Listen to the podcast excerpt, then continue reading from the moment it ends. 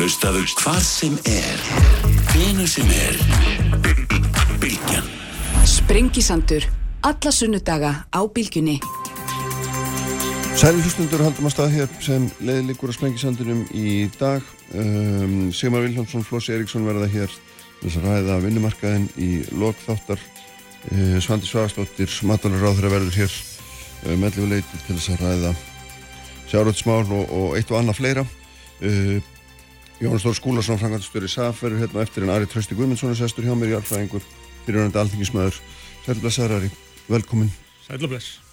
Við ætlum að ræða á, eitt af þínum áhugamálum, eitt af þínum mörg mm. áhugamálum sem eru norðurslóðamáli núna og hérna, uh, sko, þetta eru þessi, hérna, í norðurskjöldsráðinu sitja þessi átta ríki, Norðurlöndin, Kanada, Bandaríkin, Rúsland mm. og þetta er gríðilega mikilvægt sæði fyrir okkur, gríðilega mm. mikilvægt sæði fyrir heiminu þetta líka í sjálfu sér, sko, þetta er mjög margt að gerast, þetta er lofslagsbreytingarnar og, og hérna, en mér langar að byrja með þér í þýri stöða, sko, hérna, fyrir ári síðan þá samþykti bandarík, samþykti bandaríkja með nýja stefnu um, um hérna norðskautið og hérna uh, og, og, það, og hún heitir Endurheimt yfirráða yfir mm.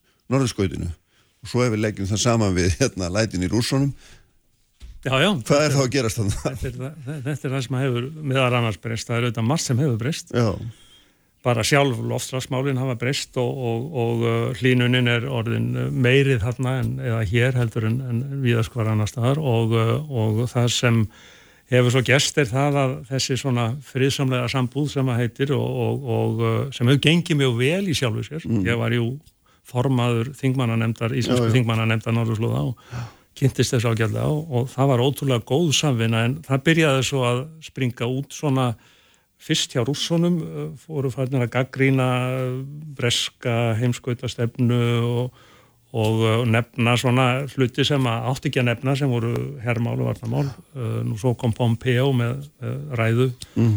og þannig hefur þetta sama sama þróast þannig að, að, að það sem hefur gæst með bandaríkina þeir hafa ákveðið að, að þó að þeirra hlutu sé lítill, þetta er eiginlega bara Alaska, Já. þó Alaska sé stort ákveðið að, að, að gera meira vart við sig og, og fara að fjárfesta jáfnvel annar staðar í, á, á, á, á þessu heimskautasvæði. Rússa sem hafa þessa rosalugu strandlengju og, og Sýberíu alla saman og hafa ákveðnar hugmyndur um sín yfir á þá og hafuna alveg upp á Norðurból. Þarna var bókstæðilega farið að taka svona í núkan á báða bóa og, og núna eins og þú segir, þegar Ukrænustriðið komið, þá, þá hérna er þetta orðið mun spenntara Já. og uh, ég sé fram á það að þetta verði bara spennt þar að þanga til að menn hafa náða utanum þetta leist ágreinismál og, og, og lofslagsmálinn, kannski breytingarna hérna knýja menn bóstarlega til þess mm. að, að fara að haga sér eins og fólk. Já, það er, það er alltaf sko, eins og nefnir það búið að byggja upp einhverja, svona, þetta er nú skilgrinn sem lágspennu svæði upphalega. Það er, það er á, þetta á örgismál þarna hafa kannski fyrst og náttúrulega snúist um slísavarnir og, og, og, og þess áttar hérna, varnir gegn oljuleikum ekki uh, bara það heldur sjá það er búið að gera sko, binda samkomiðlag um, um leit og björgun um fiskveiðimál um þessi svo kallar Polar Code 1 Polar Code 1 það sem eru siglingar og hegðan skipa og svo leiðis uh, allt eru þetta uh, mjög vorum við í ákvæð teik það var verið að hjálpa rúsum Európusambandið við að til dæmis skulum segja frárensiskerfi í Sankti Pétursborg. Uh, Norðmenn lögðu 2 miljardar uh, evra í að hjálpa rúsum að, að ná utanum uh, kjarnorku úrgang. Þannig að það var fullt í gangi svona og mm. það var búið að opna landamærina að hluta til millir Noregs og, og, og, og Múrmansk. Þannig að, að það voru ótal teiknalofti, það er hins vegar bæði Trump og Putin, var í raun og veru gert það verkum þeirra afstæða Pútins breyst, Trump eins og hann er að, að ég kenni þeim í sjálfu sér um uh, heilmikið af þessum vandraðin sem þannig er að verða norður frá. Mm, og þetta er bara augljóslega óháð, með þessu óháð úgrænustriðinu, það var þetta byrjað, þessi gróma byrjað já, já, og, og, og minna rússar eru með gríðanlega kjarnorkuvopna flota þarna. Já, já, já Og, og þeir líta svo á náttúrulega að þeirra hlutveksi að stjórna siglingunum með framhaldri ströndinni og þeir, það er auðvitað eðlilegt en þetta er opið hafsvæðingar síðan þetta er innan 200 miljonar lögsuðu og uh, það sama gildir um ef að til dæmis norðvestul siglingalegin þá verður það Kanada og, uh, og síðan er þarna í miðjunni svona gatt sem er alþjóður tafsvæði yfir Norðupólinn mm. þannig að þessi mál eru öll sem er líka í, í tölurverðu uppnámi að það er að segja að, að, að svona ímis hafsbótskröfur og, og kröfur um yfir á það sem að, að ríkin er að helga sér sneið alveg upp að, upp að eh, Norðupólnum það gerir Kanada líka sko. já, já, já, þannig að, að þetta eru, eru flókinmáls sem verður að leysa uh, vegna þess að, að þetta gríðra, þú talaði um vitt og breytt er svo stort svæði og það er svo mikla rauðlindir þarna. Að, að ef að við, okkur tekst ekki að höndla þetta rétt þá uh, getur þetta orðið tiltölu ófriðsamlegt svæði á vissum tíma. Já, einmitt og hérna, þetta er sko að þegar mann hugsa um norðurslóðu þá er það að hugsa mikið um bara auðnir hérna, frosinsvæði, frumbyggja, en þetta eru þetta ekkit það, þetta eru fjóra miljónir manna. Já, og það er ekki náma 10% sem eru já, frumbyggjar. Og, og svo er náttúrulega jókurinn í spilinu er Kína. Mm, þess að kínverjar hafa skilgreint sig, reyndu nú að skilgreina sig sem nær þjóð við heimskvöldsvæðið. Það var svona bórið minn á því núna, en þeirra var semst verið með ímiskonar tilunni til þess að koma sér á framfæri, bæði í gegnum rannsóknir, í gegnum uh, belti og braut sína útgáfa því þarna já.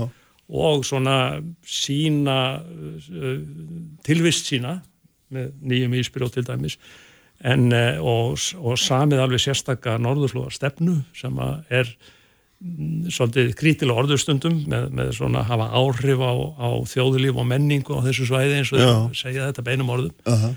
þannig að við vitum ekki í raun og veru hvert það stefnir Nei.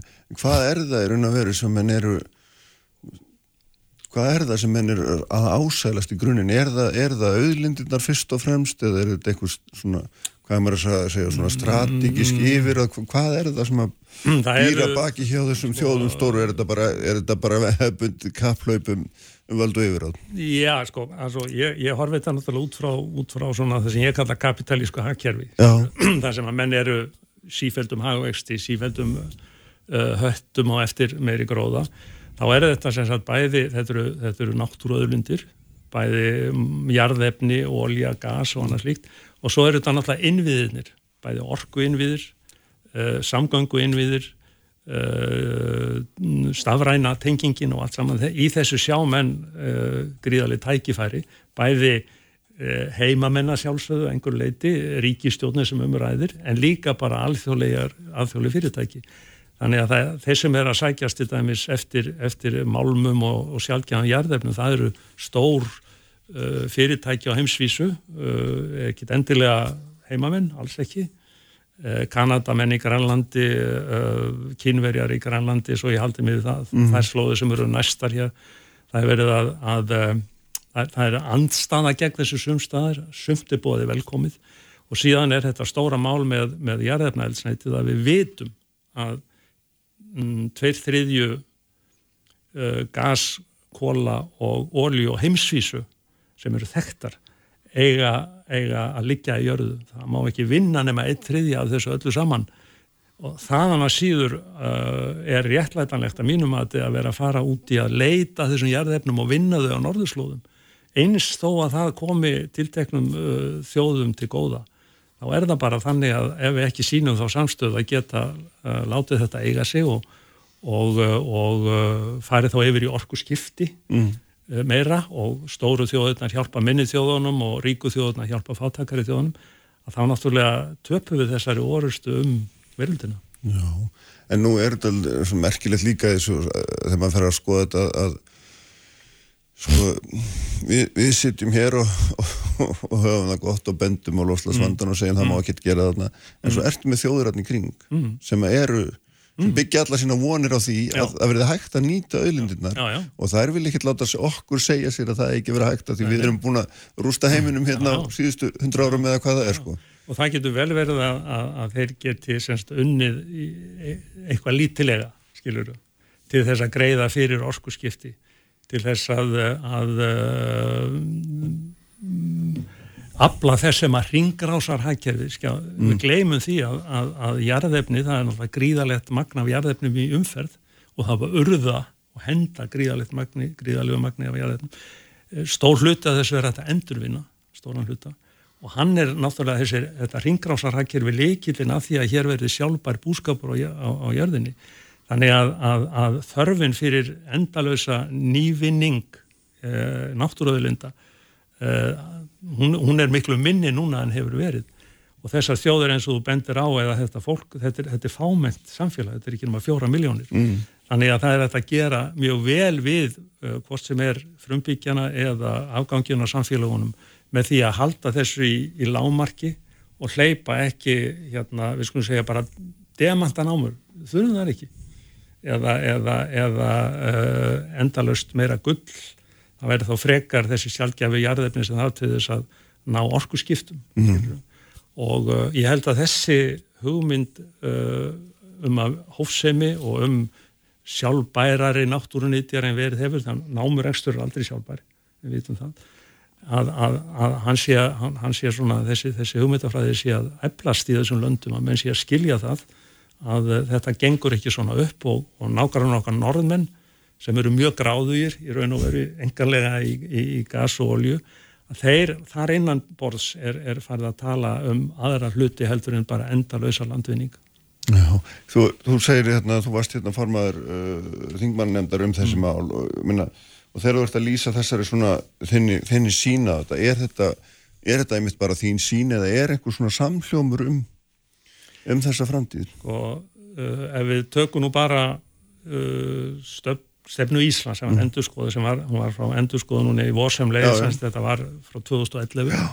þá er hún að mínum að þetta er framsækin uh, stefna Európusambansis er framsækin til dæmis og uh, ég álít að, að uh, innan mjög margar landa enganlega landana sem ekki eru stórvelda á þessum slóðum, þá, er ég að tala um rússa og bandaríkjaman Þar, þar er, finnst mér þessi skilningur vera komin miklu lengra heldur en að vera mi, mi, mitt álit mm. uh, og meira að segja fann maður uh, marga ljóstýrur hjá rússónum þeir voru til dæmis á einni rástefninu sem ég sótti þá voru við fann að ræða um, um að væri kannski hægt að opna fyrir Polar, Polar, Polar Code 2 eða mm. Polar Code 2 það átti að vera umgengnisreglur varðandi varnarmál og, og, og, og meðferð herrgagna á norðurslóðum Já. Í bandaríkjónum er náttúrulega Trump farin frá sem Petur fyrir, Biden er uh, munskári, uh, það eru rattir þar, pólitískar, svona frjálslindisrattir sem að uh, eru með betri skilning á, á þessum norðurslóðamálum heldur en, heldur en til dæmis, dæmis Trump eða, eða republikanar almennt. Þannig að já, það, það, eru, það, eru, það eru ljós í þessu öllu saman en, en ég held að það verði ekki fyrir að uh, náttúrann er farin að fara ennver með, með okkur en hún gerir núna mm. herra í sjónum uh, meiri uh, bránunjökla uh, meiri vandræði yfir höfuð með, með fiskstofna með, með svona breytingar í náttúrunni sem eru neikvæð, það eru líka jákvæða breytingar í náttúrunni, neikvæða breytingarnar að það þurfi minnstakost 1-2 ára tvíi viðbót þar til að, að eh, meiri samljómur er um hófsemina og sjálfbærnina uh, heldur en verið hefur núna. Mm -hmm. Þetta er náttúrulega eins og ég nefndi upp að það skiptir þetta svæði okkur mjög miklu máli og eitt af þeim svona líkil hugtökum í því er hérna sem kallaði súrnum sjávar mm -hmm. sem að hérna mun valda okkur miklum erfileikum og já. það er eitthvað sem að er, er hérna stigvaksandi mm, hún mælist, ógnaf, já, já. Hún mælist uh, veruleg á norðurslóðum miða við sumara staði á hnettinum en auðvitað er þetta hnattrænt vandamál. Það sama gildur um minkandi kvíta þekju á uh, bæði söðurkvelinu og norðurkvelinu það sem að sem sagt, dökkur sjór kemur undan kvítri hulu og, uh, og varman ámið verður miklu meira. Þannig að, uh, að, að er hvernig sem á það er litið þá hefur ekki tekist að hæja á þróunni í raun og veru, það er aðeins hægt á henni núna vegna þess bara að við erum inn í svona kaldri bilgju sem er svo gulluð norðurallasafsveifla uh, en, en í það heila tekið þá var árið 2021 uh, met ára á einum 5-6 sviðum af 8 sem við erum að horfa á þegar er verið að meta losafsbeitingar þannig að við þurfum að, að spýta verulegi lóana og uh, þar eru aðal leikendunir eru stórveldin mm. vegna þess að þar er losunir langmest, þar er, er, er einn hættulega mengun langmest uh, og ef að þau ekki uh, spýta í lóana þá, þá uh, megum við okkar lítils með, með okkar, okkar hérna smáþjóð þó að við reynum að að, að uppfylla öll þau skiljiði sem okkur hafi verið sett og gera betur enn svo. Já, já. Er, er, er hérna, þetta, þetta svæði, er, það er rétt skiljið, hann er að mörguleiti miklu viðkvæmara heldur en, heldur en mörgun. Já, og, og uh, það kemur meðal annars til út af, uh, hér er náttúrulega sko, veður öfgar miklar uh, á náttúrunar hendi, þá er ég ekki að tala um fellibili, ég er bara að tala um annars konar veður öfgar mm. og það er það herðir á þeim uh, það hefur hert á hækkun sjáar borðs það er orðið meir kringum þrýr, þrýr og hálfur uh, millimetra ári var tveir millimetrar. Við erum með þetta, þetta hérna, brottkvarf hluta af varnar, kvítavarnaskildinum sem að hefur beina áhrif á hittast í sjávar hér á norðurslóðum og uh, feskvatsflæði inn til sjávar er uh, nú gríðarlega mikið og sérstaklega frá Grænlandi sem hefur einhvern megin svona verið að nálgast einhvern, einhvern svona örlagaríkan punkt. Þannig að, að, að, að það hefur áhrif á hafströymana aftur. Þannig að hvernig sem á þetta er litið þá er mjög erfitt að benda á jákvæða þróunir í þessum efnum. Mm. það er þá frekar kannski gróðurfar og, og, og einstakka dýrastofnar og annað slíkt það getur líka valdið vandraðum þegar til lengri tíma er litil og svo náttúrulega er stóra stóru jókurinn að því að tala um kynverjans jókurinn, annar ja. jókurinn er auðvitað metanið, það er að segja ís uh, jarðís mm. sífreri sem er á stórum svæðum í Kanada og, og, og Sýbyrju og líka hér á Ísland er hann til að þegar hann þiðnar að þá losnar ofinni mikið metan og metan er hættulegri uh, gróðurs og loftegund heldur en venjulegu kváltvísýringur Þannig að, að uh, þetta er eitt af því sem að rússar voru mjög á kafi í og núna hefur, því að við tala um Ukraínu mm. innrásina, að núna hefur það farið í frost allt saman. Þannig að uh, þessi stóri leikari í öllu saman, rússin, er ekki með lengur og Nei. það er verið að reyna að halda hinni samvinnunni áfram. Uh, norður skauðsáðist er ekki starfhæft það er verið að reyna að halda lífi náttúrulega í því sem er, er búið að gera og, og kannski verða einhverjir vísindamenn í Rúslandi til þess að halda áframsinni vinnu. En samstarfi sem var svo mikilvægt það er e, í frosti. Þannig að það er eina ástæði fyrir því að þessu verður að linna vegna þess að, að, að það er miklu meira í húfi heldur en Úkræna sjálf. Það er náttúrulega heimsfyrur en er líka lofslagsmáli. Já, já, okkur við erum ekki svona konir að þessu risastóra máli sem er sko siglingalegin sem geti verið að opnast og, hérna, og, og, og það er svona maður, maður er fljóður að sjá að það er, það sýnir sitt hverju um, um notagildi hennar og þess aftar sko. Já, já, það er náttúrulega, hún er, hún er ekki opnar en svo að það eru svona, jú, það var aukist flutningar um, um norðaustuleðina, það er ekkit náttúrulega gengið með, með, með yfir siglingarnar yfir, yfir norðupólinn og norðvestulegin er ekki fær, þannig að það er komið kannski lítið reynsla á þetta, en við höfum bara að muna hvað þetta kostar Mm. Það mun kosta halvan til eitt metr í, í sjáabósækun og, og hvað þýðir það þá e, í, framið fyrir öllu því sem að sparast varandi þessar siglingaleiðir. Mm. En þetta er auðvitað eitt af því sem við eh, þurfum að muna að snýstum orðið aðlugun. Skiljið, við verðum ju að aðlaga okkur að þessum breytingum hvert sem okkur líkar betur eða ver og, og, og nýta það sem hægt er að nýta í ákvætt og verjast því sem er neikvætt. Og það verður þá gríðarlegu kostnarauki fyrir samfélagin. Það hafa hundruð miljardar eh, eða ég sennilega þúsundir miljardar uh, farið í kostnað núna á tveim-þreim árum vegna veðurauka í heiminum öllum og, uh, og þetta verður alltaf reknast með og stóru tryggingafélagin í heiminum þau eru uh, halda niður í sig andanum og, og eru reyna að ímynda sér hvernig þetta lítur út eftir 10-20 ára eða mm. þess að heldur áfram eins og horfir vegna þess að við erum sennilega ekki að ná þessari 1,5 þessu 1,5 gráðu marki því að núna erum við að nálgast 1,2 uh, gráður í meðal hittastigi jarðar hækkunna og uh, það þýðir það að, að markmiðið 2030 er uh, eiginlega ofnálagt til þess að við náum þessu. Þannig að þetta eru hefur að segja örlega tíma sem að noti gamla, gamla klísju Já, já, nákvæmlega og hvað svona hérna að þessari reynslu svo hérna fjækst að þessu samstarfi, hvað, hvaða rött hvaða rött höfum við þarna? Við er... höfum náttúrulega jafn skýra rött og öll hinn ríkin, við höfum jafn skýra rött og rúsar í þessu samstarfi vegna þegar við tökum þátt í Northern uh, Dimension, við tökum þátt í Northern Forum, við tökum þátt í uh, hérna, uh, náttúrulega Norðsköldsráðinu þingmannar ástefnum sem eru á, annar, á, á hérna uh, annarkvært ár og kemur með uh, sem sagt uh, yfirlýsingar sem eru aðfendar Norðsköldsráðinu þannig að þingin eru að tala mm. við framkvæmdavaldið Eh, við erum þáttangandur í Arctic Circle eða, eða ringborðið Norðurslóða sem er svona fræðslu og umræðu vettvangur. Þannig að, að eh, þessi rött er mjög skýr, stefnan er góð og ég myndi segja sem svo að, að við hefum mjög mikið erendi en það verður þá allir að tala saman og, uh, og þá, þá vantar núna Já.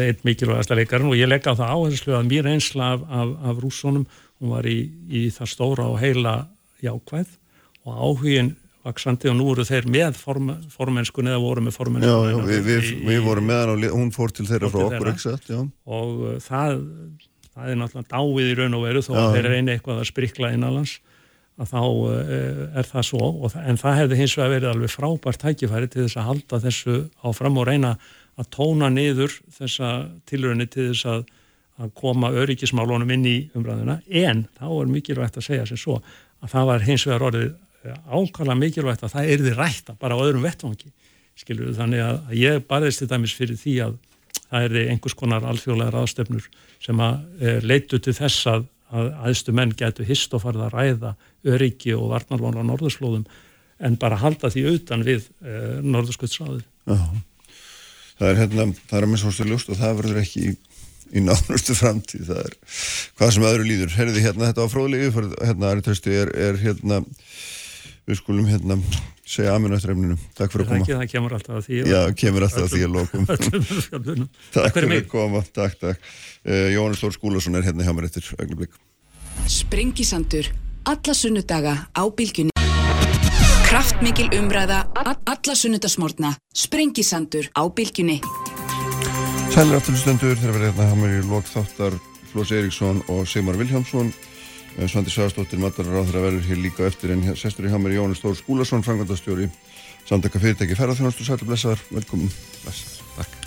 Sko þarna uh, við hefum nú heist nokkur sem á síðustu tveimur árum til að ræða COVID, nú ætlum við ekki að ræða það en, en fyrir COVID þá vorum við mikið að tala um að það væri hugsanlega allt of margi ferðamenn að koma til Íslands, þetta var ekki sjálfbært. Eh, sérstaklega var hann að vera að tala um náttúruna og það var að tala um þálmörk og, og segjast en ekki sístu þetta var að tala um að við hérna, þurftum að beita okkur að því að fá verðmætar í ferðamenn og svona og, og hérna nú er þetta alltaf að fara að staða aftur uh, og lítur bara svona þokkalega út hérna, varst að segja mér aðan, svona sumarið og allt það og hérna en þá veldi maður fyrir sér þetta, all þessi umræða sem framfór fyrir COVID og menn ætluðu sér að gera veruleika dón, glemtist hún, eða hver, hver er staðan á þessum, þessum hugtökum í dag?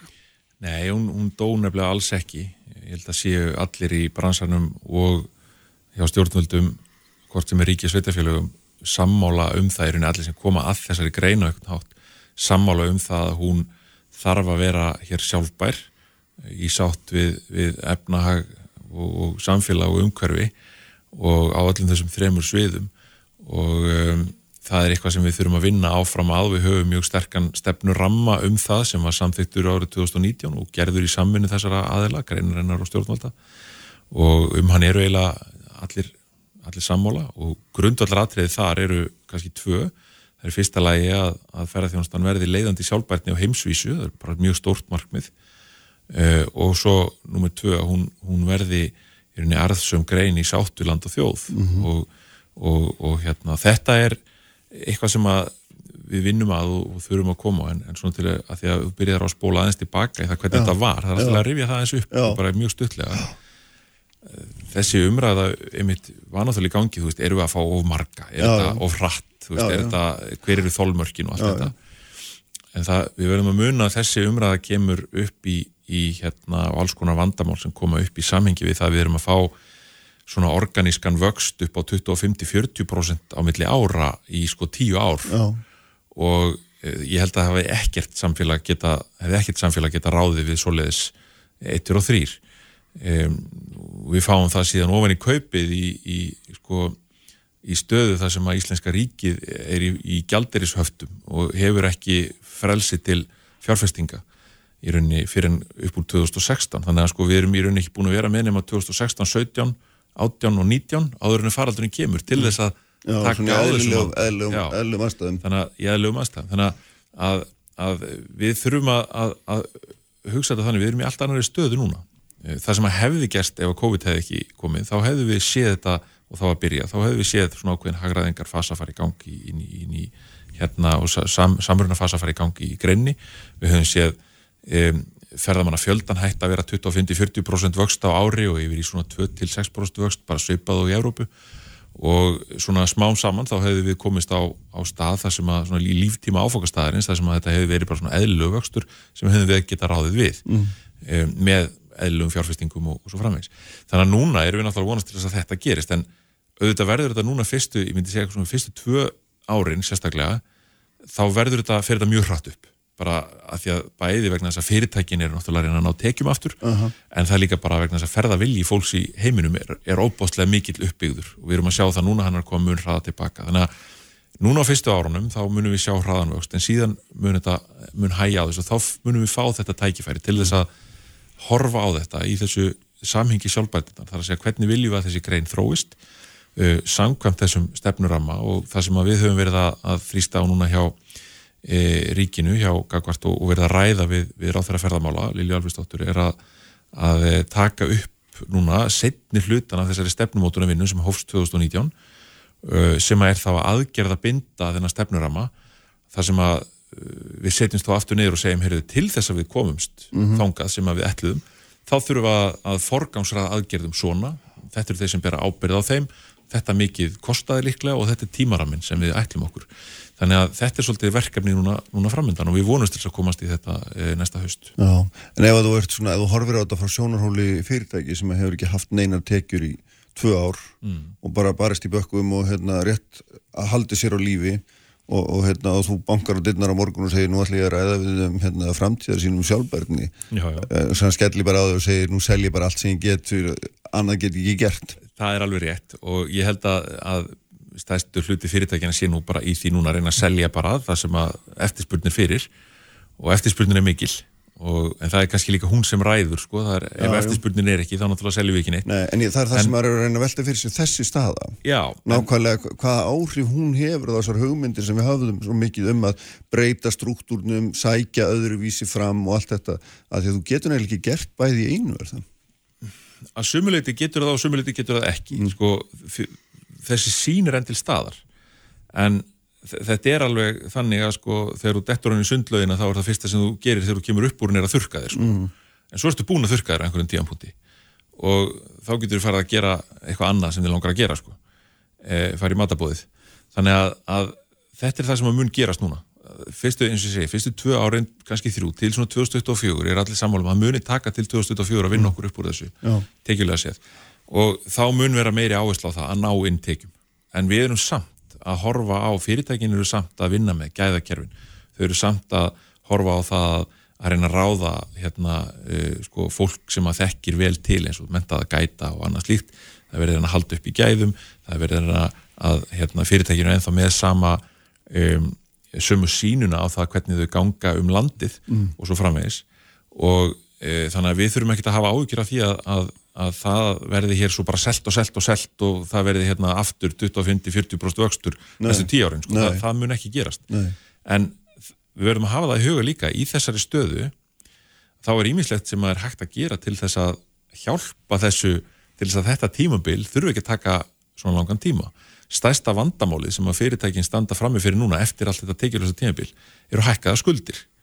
Og eftir því sem að skuldirnar lækka hraðar nú þeim mun minni ástæða er þá ekki eins og þú segir að, að gera þetta sem þú hefur ámyggjur af, að selja meira frekar heldur en að horfa aðra þætti til þess að ná einn tekjum.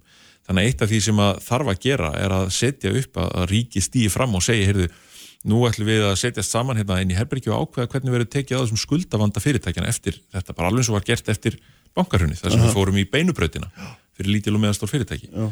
Það myndi auðvelda e, fyrirtækjunum að glíma við skuldi sínar og það léttir þá á þrýstingnum að selja meira auðvitað er þrýstingurinn mikill um, þannig að en er það ennþá það þannig að, að þessar þessar hugmyndur um það hvernig maður leysa úr sem skuldavanda, þær eru bókstarlega órættar.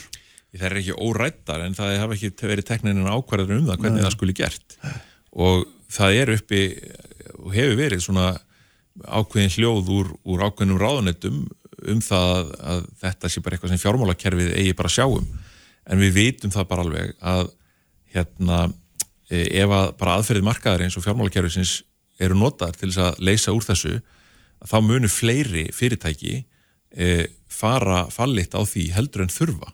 Fyrirtæki sem er alveg lífanleg e, sem hafa bara einfallega lent hérna í heimshruni atvinnugreinarinnar og við þurfum bara á að halda til þess að geta skapa verðmætti áfram í þessari keðju ferðarþjónastunar. Við erum að tala um e, lítil hótel út á landsbyðinni sem eru rekin af bara fjölskyldum. Sko, þetta eru fyrirtæki sem er ekkit ólífanleg, er ekkit skilið að fara á hausin bara því að þau lendu í einhverju, einhverju hérna, heimsrunni sko. Um, það er ekkit eðlert við það að fólk fari kannski að fara í, í, í svoleiði stöðu, fari að, að enda á bakvið rimla því að þau fengu fresta skattaskuldir sko.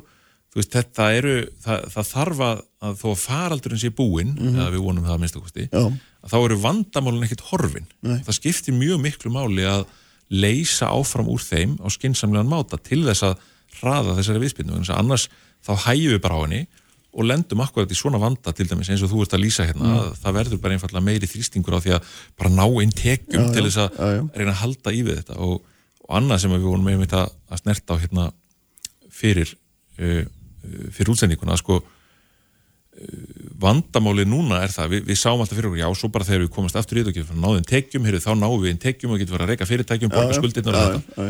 En hvað er að gerast núna? Núna er bara ástandið í heiminu þannig að það er kostnaður verða á öllu verið að hækka. Já, sem þýðir það að sko kostnaðurinn hjá fyrirtækjunum á móti tekjunum er orðið miklu herri heldur um en byggust við. Sem þýðir það að sko framleiðin úr reksturinn verður en þá minni og sko fyrirtæki greið ekki skuldir nema þessi hagnaðaraðum.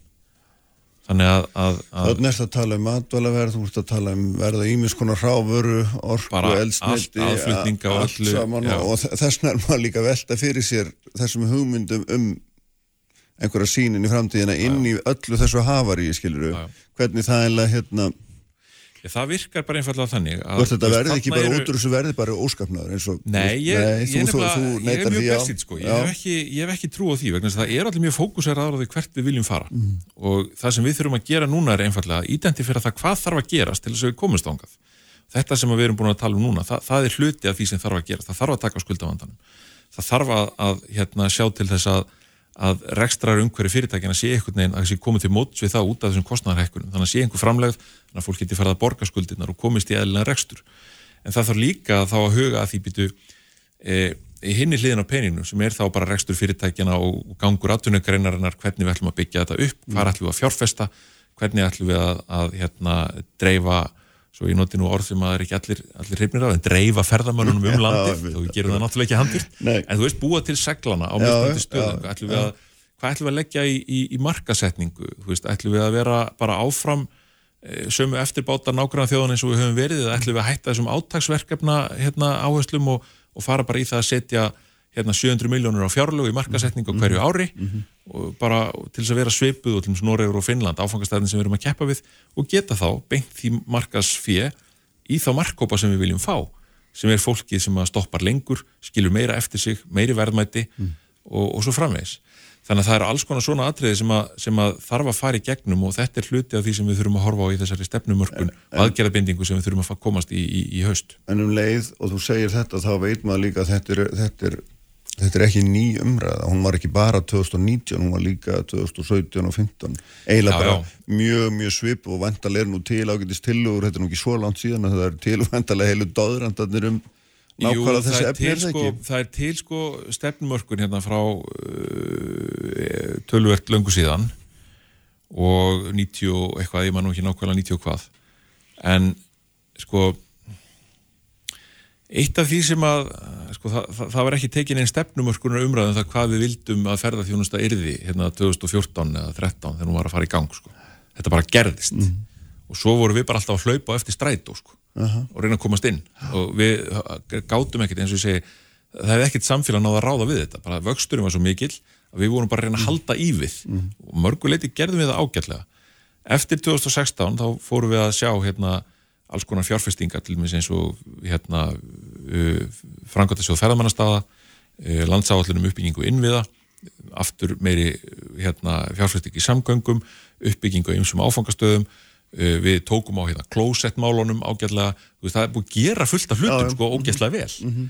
en það, það er ekki búið að gera allt sem þarf sko, við þurfum að halda áfram.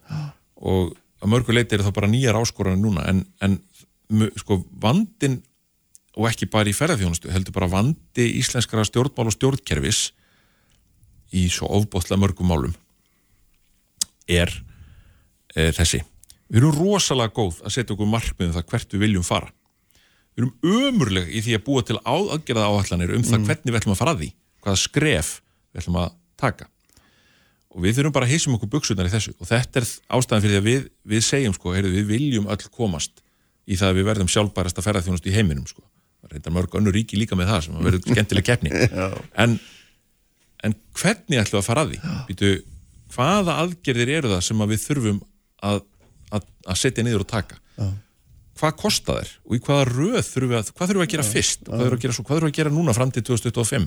Þetta er það sem við verðum að gera. Út af þetta gengur aðgerðabilding stefnumóturuna sem við viljum komast í í haust. Hún var byrjuð en var sett á, á frost í, í hérna út af faraldrinum. Mm. og þetta er það sem verður að gerast. Og þá getum við farið að sjá, heyrðu við erum hérna markmið og svo nættum við að komast á Þú uh, nefnir ekki þriðaliðin í þessari röð sem eru þetta framkvæmdu sjálf og hendurna sem þarf til þess að, að ljúka já, já. við aðgjörðnar sem eiga uppfylla markmið peningarnir sem þar kostar já, og hérna, mér finnst við ekki bara svona annað dæmi sem alltaf tengist þessu svolítið en, en við getum hort á til dæmis hérna sko við erum með markmið hérna um að verða hérna kólöfnislaus ákveðnum tíma sko en hvað er aðgerða áallunin eh, sem að segja nákvæmlega hvað þarf að gera á hvaða mm. tíma til þess að það gerist það er vissulega til ágættis áallun en hún er bara, hún er ekki að sína mér að minnstakosti hvernig við förum að þessu vegna að þetta mun kosta svo miklu miklu meiri peninga mm.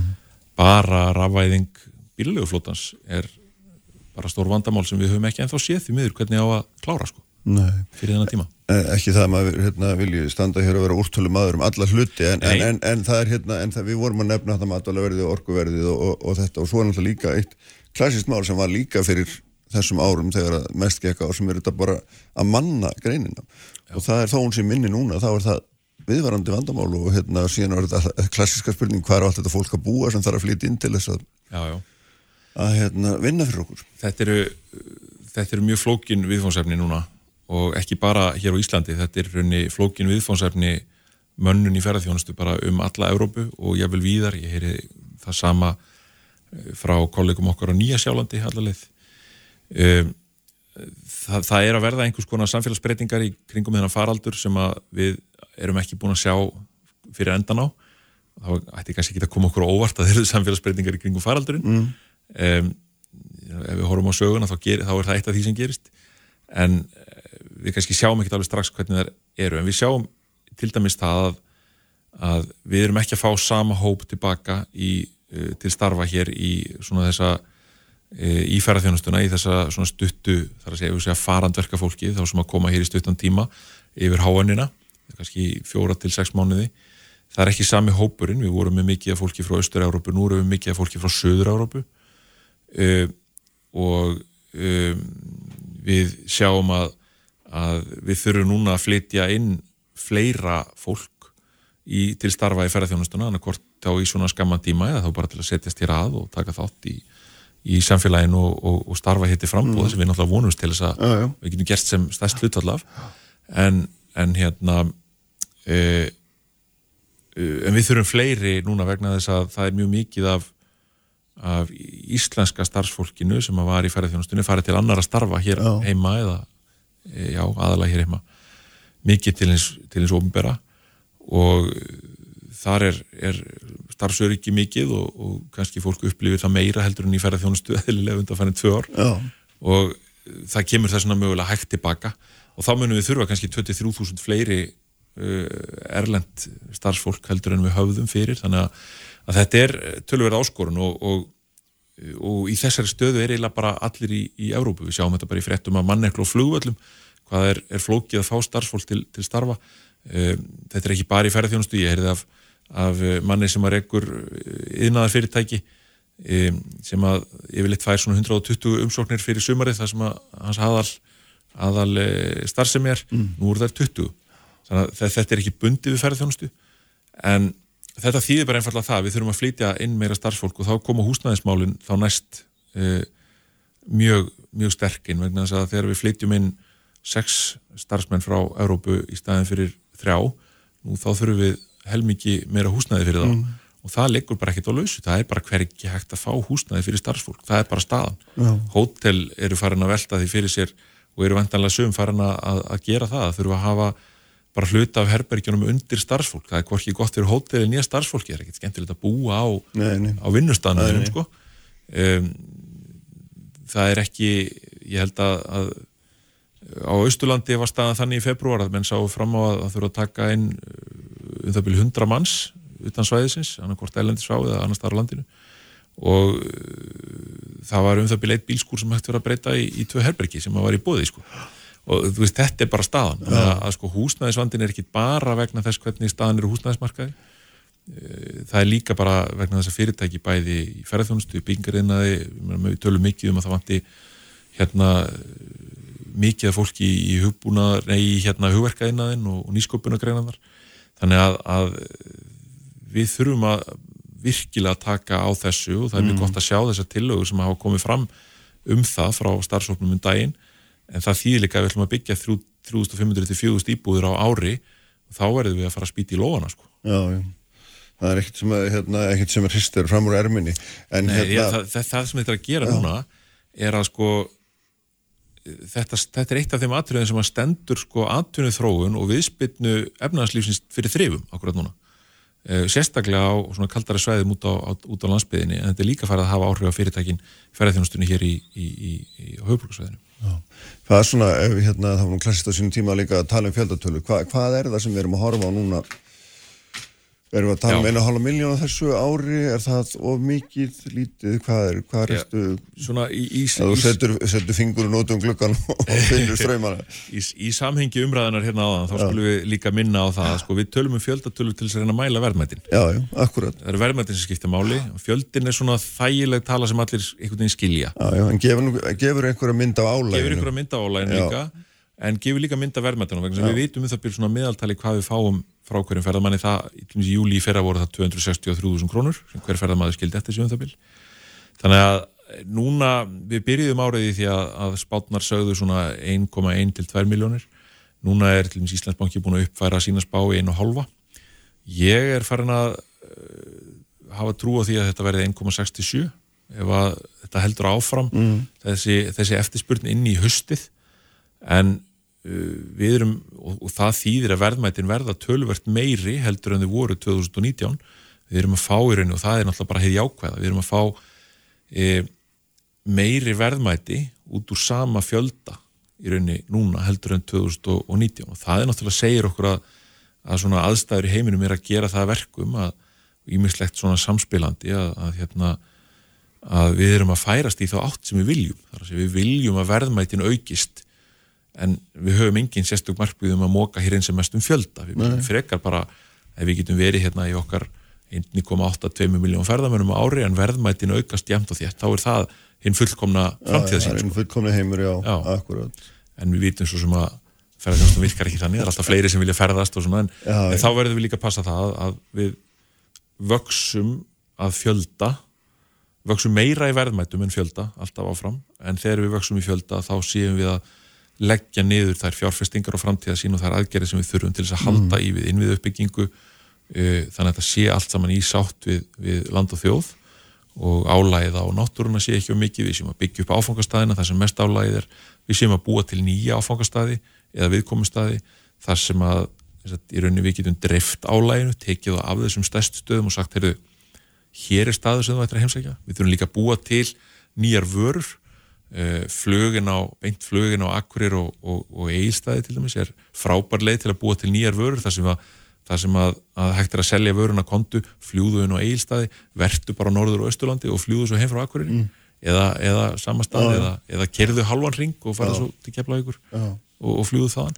Þannig að það er eh, þetta er allt saman sem við þurfum að vera að horfa líka og þetta er hluti af þessum þessari stefnmótum sem við þurfum að vinna. Veist, hvernig ætlum við að fara þessu? Mm -hmm. og þetta snýst ekki allt saman en um þetta er sérst bara allt á umræðust í Nei, þetta er einnig margt sem er verið að vinna þarna já, sko, já. Og, og hefur verið, verið unnið. Og hérna, þetta er ekkit alltaf á einhverjum núlpunkti, alls nei, ekki, langt ifrá en uh, við sjáum það hins vegar að, að, að bara þetta er áframhaldandi verkefni sem þarf að setja meiri kraft í öll þessi verkefni. Og það kostar peninga, það kostar effort og, og einhvers konar stýringu og, og, hérna, og það er eitthvað sem við þurfum að vinna saman með, með ríkinu og það hefur gengið bara hinga til bara nokkuð vel. Já. ég er gert sínum það. Já. Ljómandi Jónis, hérna, takk fyrir þetta að veit okkur einsinn í, í þetta. Uh, ég ætla að halda átni áfram með Svandísi Sagastóttur mandalur á það eftir einu blik Sprengisandur á bylgjunni. Sprengisandur á bylgjunni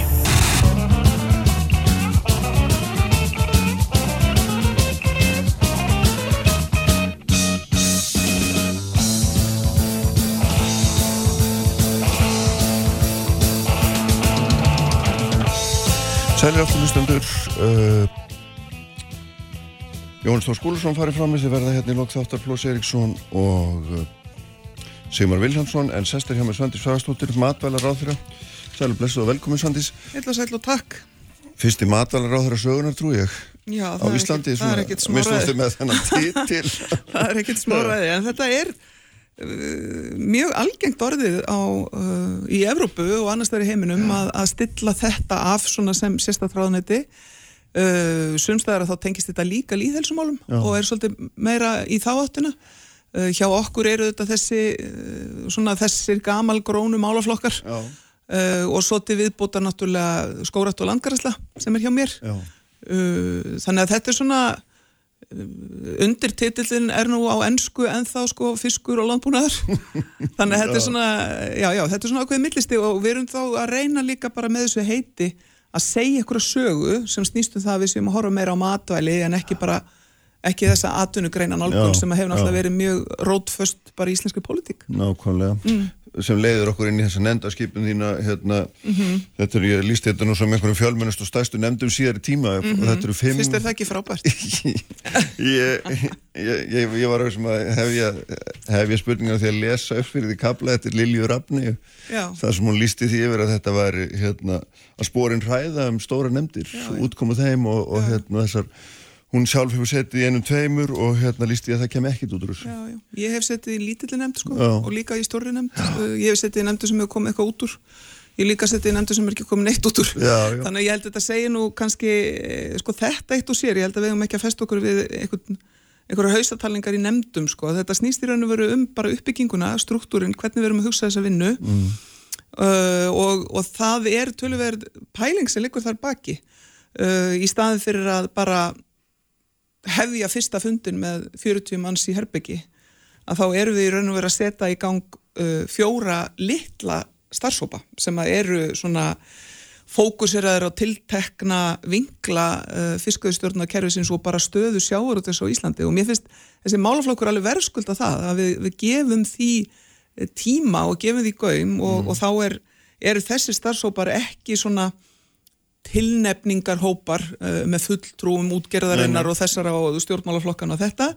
En síðan eru við með stóra samráðsnefnd og, og þar er þetta svona kannski með hefbundnari hætti til þess að geta tekið þar í gegn uh, það sem kemur úr starfsópunum og svo eru við með verkefnistjórn sem að passar upp á það að allar hliðar tali saman. Þetta er ákveðin tilraun, við erum að nálgast þetta með öðrum hætti og, og ég minna verkefnið um, í raun og veru setur okkur svona Eh, slær tónin. Þetta er stórt verkefni, það er breytt.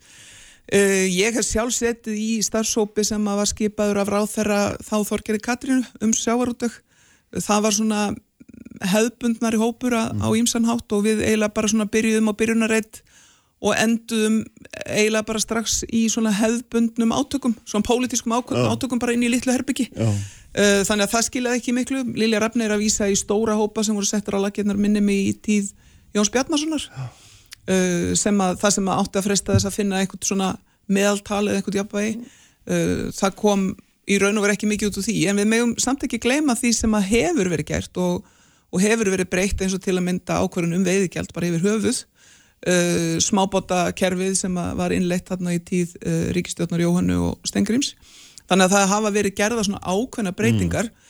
En, en uh, það að svona ná utanum uh, allan málaflokkin á einu bretti, það hefur ekki verið uh, reynd með þessum hætti þannig að ég... En ég... af hverju viltu gera það? Hvað er það sem rekur til þess að gera þetta með svona gríðalega breyt? Því að þú segir hérna í yfirlýsingu að, að, að ríkir djúbstæð tilfinning mm -hmm. meðal almenning sem óréttlæti mm -hmm. og hérna, er, er það það sem þú ætlar að snúa við með einhverjum hætti? Þú, ætlar, þú segir markmið er að, er að setja ný heildarlögum stjórn fiskveða, ný mm -hmm. lögum auðlindir hafsins, verkefni sviði orkusskipta, nýsköpun og hafnarsson á gagsægi og að gagsægi og kortlækningu og eignateinslega sjárúti. Þetta er náttúrulega ekkit smáraði sem þú ætlar að gera. Það er bara hárétt þér.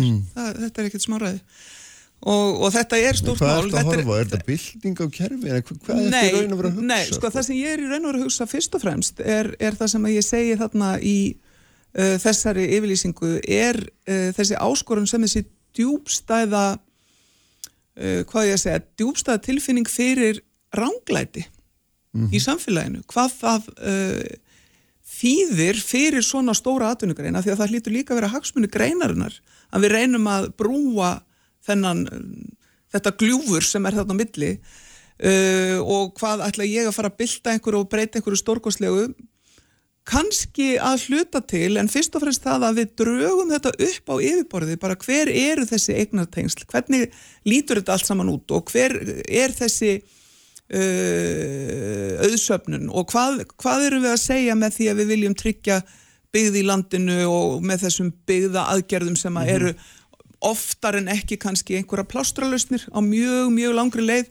Sko ég skora á því einhvern tíðan þegar þú hefur ekki efni í þáttinn bara að lesa hérna upp sko lögum stjórn fiskveða, það er bara mjög fróðlegt, af því að það er búið að bæta í og breyta og fella út og svo framvegs bara opaslega lengi. Já. Eh, þannig að það er bara sko að fullri einlægni sem að ég sest við borsendan í því að vilja ná saman ekki bara þessari þekkingu allra heldur líka reynslu sem að er liggur í þjóðinni allri og, og samfélagin öllu mm. meðal fólk sem að hefur verið að vinna uh, bæði til sjós og lands í þessari atvinnugrein. En ertu semst að segja það þá, frá þínum sjónarhóli þá er eitthvað ránglæti ríkjandi sem að þú, þér finnst, þú þurfa að leiðrætta. Er það skil, rétt skilir? Mér finnst að sko, þessi djúbstæðatilfinning sem að fólk talar um, fólk talar um aðlega tvent, það talar um það að það skilir sér ekki nægilega mikið í samfélagsjóði. Mm -hmm. Ert þú þeirra skoðunar sjálf? Er, ég, ég, hef, ég hef alltaf verið þeirra skoðunar Já, að mm -hmm. það skipti máli að uh, útgerðin sem að er mjög sterk og mjög öflug og er uh, á heimsvísu gríðarlega öflug, að hún leggji sitt að mörgum og það þarf að vera sangjant. Eh, það hafi verið gerða breytingar á þessu kerfi, það hafi verið gerða breytingar sem lúta því að þetta sé það sem kallað er afkoma tengt, það er að segja að það, það skilir sér í samræmi við afkomuna, reyndar uh, tveimur árum síðar sem er óhefilegt en, en það er þó afkoma tengt sem er jákvægt. Mm. Uh, það síðan nákvæmlega hvert þetta hlutfall er, við eigum stöðut að ræða það, við eigum að gera það. Og ekki síst núna þegar við sjáum þegar við erum svona að, að hvað ég að segja, ná landi eftir COVID og COVID-kreppu að þá sjáum við eh, vegna eh, aðgerða Pútins að það koma nýjar áskoranir og, og vantarlega þurfa þá allir að koma á borðinu sem að hafa til þess burði, mm. til þess að styðja samfélagið í því að ná land, landi aftur og, og þar finnst mér að, að þessar stóru útflutningsgreinar eigi að uh, koma að. En það er þá kannski frekar hugsun til, til skemmri tíma en mér finnst það uh, líka mikilvægt. En þú ert semst að segja mér að þú, þú tellir að það sé eitthvað ránglæti innifalið í, í kerfi sem við erum með þeim, þeim er eignamundur sem orði hefur í sjárútvi og það þurfa að vinda ofan að þessu. Eða er þetta ekki að segja mér það? Jú, eina leiðin til þess að vinda ofan að því mm. er að við náum öllum upplýsingum upp á auðborðið uh, vegna þess að tilfinning fyrir ránglæti er uh, oftast vegna þess að það er eitthvað sem er ekki sangjant. Þannig að þegar við erum búin að kortleikita allt saman þá förum við að gera hvað? Þá förum við að vinda ofan og eignarhaldi ætlum við að já, sko, draga og færa kvóta nei, ég fyrir ekki, nei, ég bara, bara skil þú veist hvernig þetta er hvað að gerast Akkurat, það, það er einmitt til þess sem að þessi vinna eh, er mm. sett að stað og það er vegna þess að ég er sjálf ekki komin að niðurstöðu og ég Sko ég ætla mér ekki það að sita hérna sem stjórnmálamæður sem að þó hefur töluverðar einslu af ymsum verkefnum og segja að það er þetta þrend sem þarf að gera og við bara förum í það og þá er málið dött. Að því ég hef séð það verklag notað og ég hef ekki séð að skila árangri. Mm -hmm. Og, og það er svona finnst mér mikilvægt að, að vinnan sjálf, bara verklagið, að við höfum þetta opið, að við erum með sko samráðsgátt að við viljum að fólk uh, geri aðtóðasemdir og svo framvísi gegnum allt ferlið að ferlið sjálft er partur á bataleiðinni mm -hmm. og það vil ég sjá og svo getur einhver sagt eh, ég meina þetta er náttúrulega bara bjart sín í þér og þú náttúrulega heldur að þetta skil einhver og mun einhver skila á allt í lagi, ég meina það má alveg efast um það að þetta sé leiðin uh, eftir töluverða yfirlegu þá er ég þeirra skoðunar að þetta sé að minnst okkurstu besta leiðin akkurat mm. núna mm. í þessu verkefni og eina leiðin til að sanna það eða afsanna er bara að gera þetta Já. En það er sérst þannig að þú, þú á endanum þegar þú ert búin að samina þarna, vinnuna og þekkingun og leggja þetta allt á eitt stað þá, þá kemur eitthvað út úr því sjáum hérna einhver eignatengsl og, og mm -hmm. þess aftar og þá kemur það í eitthvað hlut sem að hérna hafi tök og, tök og tólutæki til þess að að gera eitthvað í því. Já, ef að eignartengslinn eru of náinn ef, ef fyrirtækinu er nú stór eða, eða, eða hvað? erum við að fara að hugsa um að brjóta Já, það, ég, meina, ég, er, ég er að segja þér þetta er allt saman undir. Þetta liggur allt saman undir. Allt saman undir. Og, og við, við þurfum að, að vega og meta það hvernig það fyrirkomlag sem við búum við núna uh, hefur áhrif á bæði þessa tilfinningu í samfélaginu mm uh, þessar spurningar um réttlæti og ránglæti vegna þess að við skuldum þjóðinni það við eigum að fara í það samtal af því að pólitík snýst ekki bara um hagkerfi, mm -hmm. pólitík snýst líka um gildi og, og bara samstöðu í samfélagi ég menna ég fór í gegnum þetta þessar pælingar mjög mikið í gegnum COVID uh, það hversu dýrmætt samstaða er í einu samfélagi og það er pæling og lítur mm. að vera það sko hjá stjórnveldum á hverjum tíma af því að pólitíkinn segir okkur svolítið bara alltaf að hlaupundi ljósið það er eitthvað stuði í gangi, verðt þú þar og láttu taka þér mynd og segja eitthvað gegja og verðtu með eitthvað flotta fyrirsögn og eitthvað -hmm. svona mm -hmm. en það er ekki alltaf svo leið sem er best til árangus ef maður er að hugsa um það að, að, að samstaða í samfélagi sé raunverulegt verðmæti sem að maður eigi ekki að, að sko, taka áhættu með að þá skiptir máli að varvita það mm. og ef það er ekki fyrir hendi, ef tröstu er ekki fyrir hendi þá er það sjálfstætt verkefni að reyna að byggja það upp mm. og það langar mig að gera sko, Einn ein hlið í þessu málum er alltaf svo að þó að Íslands sjálfsfyrirtæki séu stóra innlendan mælikvarða þá eru það ekki stóra alþjóðna mm. mælikvarða þau eru að keppa á matalamarkaði -hmm. við risa -hmm. því að ef þú far ekki fisk þá -hmm. kaupir þið bara kjókling eða eitthvað annað eða þessi íslensku fyrirtæki ef við förum að veikja þau mm -hmm. með einhverjum hætti, ja. minkaðu, dragur þeim aflið mm -hmm. að þá bara hérna, skjótu við okkur í lapina. Já, já, ég þekki þessu umræðu líka þetta, já, já, já, alveg, og, og, og ég menna mér finnst, uh, þú veist, þetta er rauk, þau þurfa að vera líka við borðið, en aðalatrið er það að við megum ekki fá þá tilfinningu að það sé eitthvað sem er ósagt, að það sé mhm. eitthvað sem er ekki gagsætt og við að við séum að setja reglur sem er ekki virtar eða, eða við séum að setja reglur sem að skipta einhver máli og svo framvegist. Þannig að Og, og ég menna, svo segja líka uh, svum þeirra sem er í sjáfaldvið segja líka byttu, það er nú bara samþjöppun hvað ég var að tala um hérna bara uh, smásöluna eða, já, eða bara já, eitthvað annað. Miklu meiri samþjöppun í flestum greinum. Já, akkurat, og ég segi bara flott, förum þá í það líka. Ég menna, finnum þá líka út úr því, en þetta verkefni er á mínu borði og, og þetta er svona partur af því sem að heilbritt samfélag þarf að takast á hendur. Ef við ætlum að vera líðræðið samfélag, það snýst ekki bara um að ganga til kostninga, heldur líka það að við sjáum úr hverju samfélagi okkar er gert mm. og við treystum því að það eru upplýsingar sem við fáum uh, í gegnum fjölmiðla, í gegnum uh, upplýsingar frá stjórnveldum með öðrum leiðum, séu réttar. Mm. Ég held að flesti sjárúðsarhöður sem hafa reynd að fara í slafi sjárúðan þegar það tapa á hann. Já, já, það getur vel verið sko. Ég lít nú uh, ekki svo á, ég segja að fara neitt slafi sjárúðan. Ég hérna, hef engan áhuga á slagsmálum, ég er ekki en Þú segir allt sér undir. Hvernig myndur þú lesa þá væri eigandi fyrirtæki skilur þú, hvernig myndur þú lesa það? Ef ég væri eigandi fyrirtækis, þá myndur ég líta svo á að, að þarna væri ráðherra sem að væri með mér í liði. Já. í því að, að hérna, íslensku sjávaróttuður væri áfram á eh, heimsmæli hverða mm. væri eitt sá albesti sem að umgetur eh, í heiminum Uh, væri... Þetta er bara saga sem við getum sagt í dag um þannig að sjá, þetta er það ekki? Já, jú, jú, það, en það eru nýjar áskoranir líka mm. og það er, einn hópurinn er sérstaklega fjallin það, það er tækifæri í greininni, það er nýsköpun, uh, ég var nú að tala við, sko, verkfræðing bara í gær og, og, og fleiri sem eru í nýsköpun sem eru að þróa veidarfæri þar sem að, þar sem að uh, fiski rækju er smalað með ljósi, uh, þar sem að þú ert í raun og veru ekki að skafa hafsbótnin mm -hmm. með veiðarfærum og þetta væri bilding í því bæði hvernig við getum nýtt uh, öðlindir sjáar en líka bara sko bylting fyrir íslenska frumkvöla og íslenska fórustu í því að vera með umhverfisvæna nálgun í því hvernig við nýtum öllindirnar og það er líka alveg opbáslega stórt hagsmörumál sem að, sem að stjórnvöld og greinin deila. Þannig að mér finnst skipta máli að vera þar samferða um, eigum við að tala um orkuskipti sjávatvegi, það er stort mál það er svakalega stort mál og þar eru við ekki komin eins langt og maður vildi sjá bara í tæknilegum lausnum. En það er fullt af nýsköpun í gangi og alls konar hlutur að gerast og, og stjórnvöld þurfa að vita hvað er að gerast og hvað er í gangi til þess að geta stutt við og til að geta lagt kvatana þar sem að við erum að toga okkur í áttina að uh, loslagsvætni útgerð, Já, já. það skiptir miklu máli líka Nákvæmlega. þannig að, þannig að þetta við- er bara já, já. samstöðu mál held Já, ég já, akkurat það er auðvitað mjög jákvæmt að horfa það þannig. Minna Sigur Ingi, kollegiðin satt hérna bara í nákvæmlega sama stóla og þú og saði hérna fyrir einhvern mann ekki hvað er langt síðan, sjárútskerfi var ekki skapað til að skapa fáinum fjölskyldum gríðarlega nauð. Ég gerir það fyrir að þú myndir taka undir það. Já, en er samstæði ríkistjórninu um þetta markmið að hérna, eða eigum við að segja um samstæðum þessa afstöðu? um, sko, það er að minnstakosti eh, hef ég gert grein fyrir því hvernig ég er að leggja upp þetta verkefni. Ég hef kynnt það fyrir ríkistjórn tvisvar og, og farið yfir það. Um, og ég hef ekki fengið neinn önnur viðbröldunum stuðning við þessari nálgun.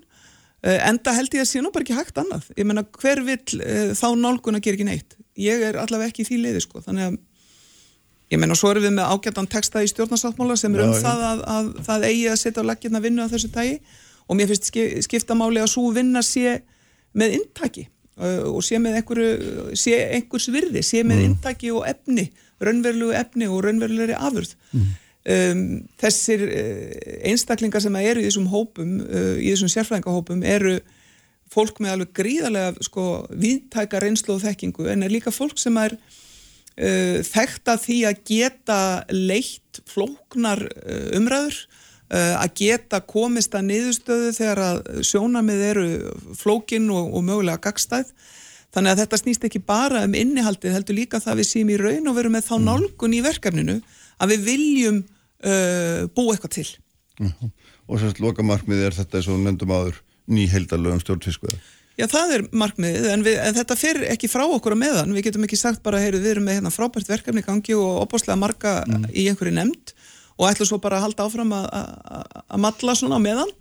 Uh, vegna þess að verkefnin uh, þau munu reka okkar fjöru. Ég menna ég er með núna í þinginu uh, frumvarpum nýtingu á þangi og þara sæbjúum og þið veitir, það, það er alltaf eitthvað sem kemur upp þannig að við komum til með að vera alltaf með þingmál í gangi uh, allan tíman og, og þurfum að horfa til þess uh, í bæði stóru og smáu Að hvað miklu leiti er einhvers konar hugmyndum hækkun veiðigjalda hluti að þessari vegferð?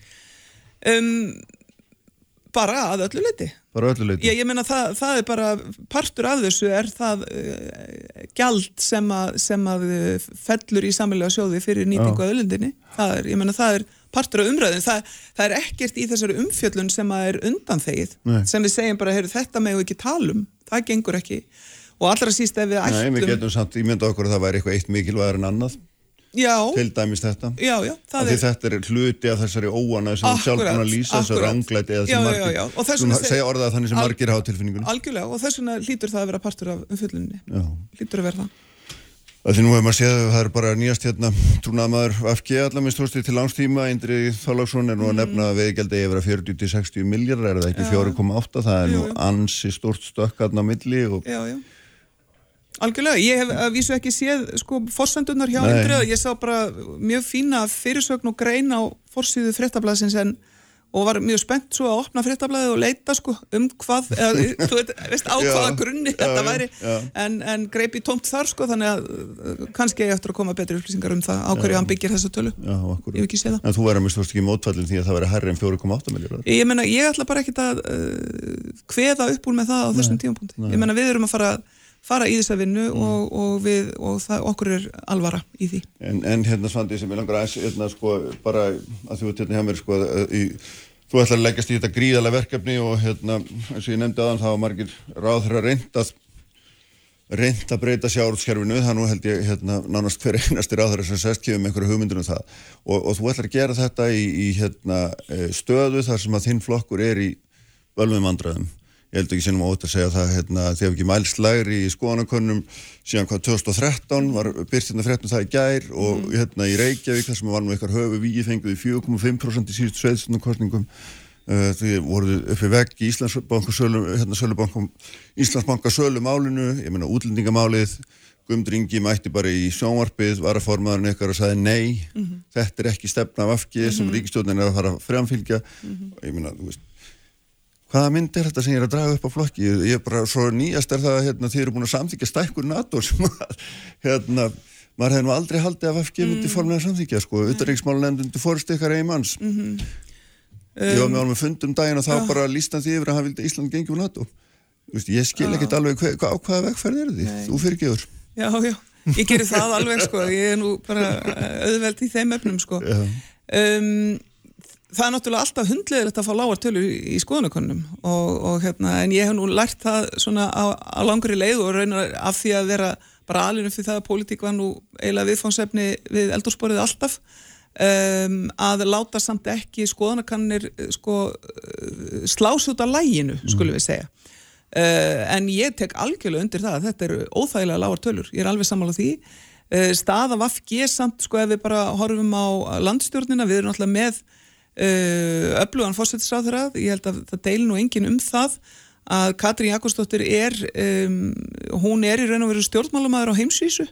Hún er stjórnmálamæður sem að um, ræðir við hvaða þjóðalegtua sem er þannig að við getum verið stolt að því. Og ég er ekkert að tala um uh, að því að hún er í Vafgi sko, heldur bara vegna þess að hún er bara mjög öflugur fórstumæður mm -hmm. og, og þannig að staða okkar hvað það varðar er, er mjög góð Uh, staða okkar hvað varðar síðan uh, tölur sem við erum að fá í skoðanakonun ég get alveg farið í það að það er einhverja skýringar, já, þú veist. já, já. Uh, ég menna það eru því verður ekkert neyta við erum ímislegt hefur verið okkur mótrækt sem þú ert að nefna núna. En mín reynslega er nú svo að, að hérna, við förum aftur upp. Þa, þannig er það bara og þannig hefur það verið áður. Við sínum það aðalega bara með okkar verkum. Við hlaupum ekki frá verkunum. Við höfum aldrei verið þannig fólk og ekki þannig reyfing. Við, við tökumst á við það sem að uh, rekur okkar fjörur, uh, hvort sem að það eru uh, álitamáli sjávaröldegi, mm. Heimsfaraldur eða hvað annað það er og að því að þú nefndir stöðuna í heimsmálunum og, og þá staðrind að finnar og svíjar hyggjast ganga í, til liðsvi NATO, sko þá höfum við í Vafki raun og verið alltaf verið með sama tón í því sem að snýstum það að við styðjum og virðum sjálfsákvörunar rétt þjóða og við teljum það ekki samræmast þeirri nálgun að við setjum okkur í veg fyrir það sem að eru líðræðslegar ákvarðanir mm. annar ríkja.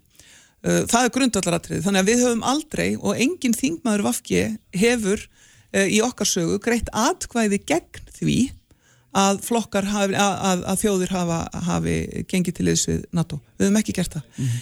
Um, síðan er það, og ég meina þú þekkir þessu umræðu, það, það eru þetta bara flókið, en það er hins vegar ekki þannig að við höfum uh, lagt það á borðið sem frágangsök uh, við stjórnamynduna viðraður. Við erum eini flokkurinn sem að höfum uh, haft evasemtur um uh, aðild Íslands að NATO Um, þannig að við höfum sagt, við bara gerum þetta með ábyrgum hætti, stiðjum uh, þjóðarörgistefnuna og stöndum við hana og stöndum mm. með henni og við erum ekki vaklandi í því uh, en finnst uh, þó ekki flókið að tala áfram fyrir uh, friðarstefnu og á móti hernaðar Nei, bara á móti á móti, hernaðarhyggju, almennt. Mm. og ég held að sko ef það er ekki akkurat á tímið svo núna mm.